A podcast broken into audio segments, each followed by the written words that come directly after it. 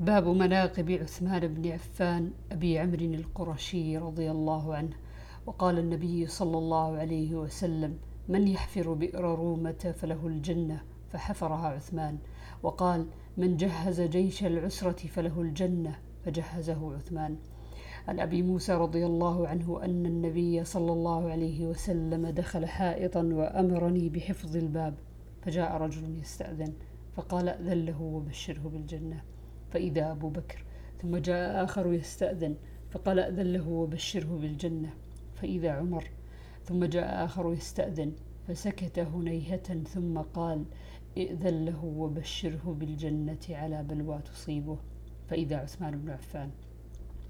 وفي رواية النبي صلى الله عليه وسلم كان قاعدا في مكان فيه ماء قد انكشفت عن ركبتيه أو ركبته فلما دخل عثمان غطاها. وعن عبيدة عبيد الله ابن عدي بن الخيار أنه أخبر أن المسور بن مخرمة وعبد الرحمن بن الأسود ابن عبد يغوث قال ما يمنعك أن تكلم عثمان لأخيه الوليد؟ فقد أكثر الناس فيه فقصدت لعثمان حتى خرج إلى الصلاة.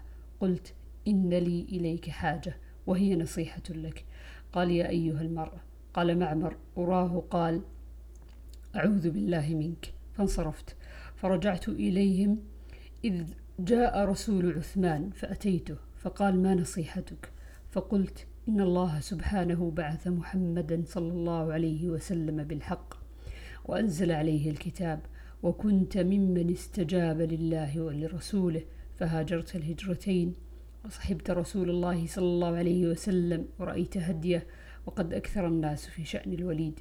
قال أدركت رسول الله صلى الله عليه وسلم.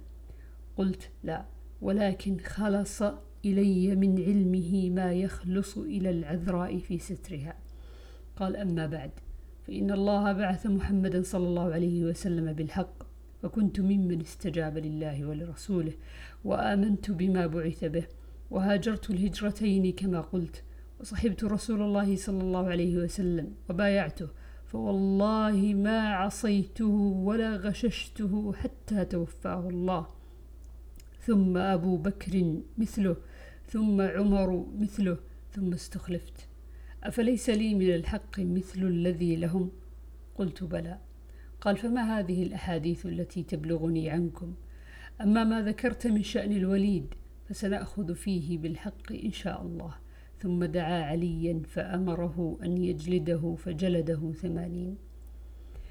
عن ابن عمر رضي الله عنهما قال كنا في زمن النبي صلى الله عليه وسلم لا نعدل بأبي بكر أحدا. ثم عمر ثم عثمان ثم نترك أصحاب النبي صلى الله عليه وسلم لا نفاضل بينهم. وعن عثمان هو ابن موهب هو ابن موهب. قال جاء رجل من أهل مصر حج البيت فرأى قوما جلوسا فقال من هؤلاء القوم؟ قال هؤلاء قريش. قال فمن الشيخ فيهم؟ قالوا عبد الله بن عمر. قال يا ابن عمر إني سائلك عن شيء فحدثني. هل تعلم أن عثمان فر يوم أحد؟ قال نعم. قال تعلم أنه تغيب عن بدر ولم يشهد؟ قال نعم. قال تعلم أنه تغيب عن بيعة الرضوان فلم يشهدها. قال نعم. قال الله أكبر. قال ابن عمر تعال أبين لك. أما فراره يوم أحد فأشهد أن الله عفى عنه وغفر له. وأما تغيبه عن بدر فإنه كانت تحته بنت رسول الله صلى الله عليه وسلم وكانت مريضة. فقال له رسول الله صلى الله عليه وسلم إن لك أجر رجل ممن شهد بدرا وسهمه. وأما تغيبه عن بيعة الرضوان فلو كان أحد أعز ببطن مكة من عثمان لبعثه مكانه. فبعث رسول الله صلى الله عليه وسلم عثمان وكانت بيعة الرضوان بعدما ذهب عثمان إلى مكة. فقال رسول الله صلى الله عليه وسلم بيده اليمنى هذه يد عثمان. فضرب بها على يده فقال هذه لعثمان. فقال له ابن عمر اذهب بها الآن معك. وعن أنس رضي الله عنه أنه قال صعد النبي صلى الله عليه وسلم أحدا ومعه أبو بكر وعمر وعثمان. فرجف وقال اسكن أحد أظنه ضربه برجله فليس عليك إلا نبي وصديق وشهيدان.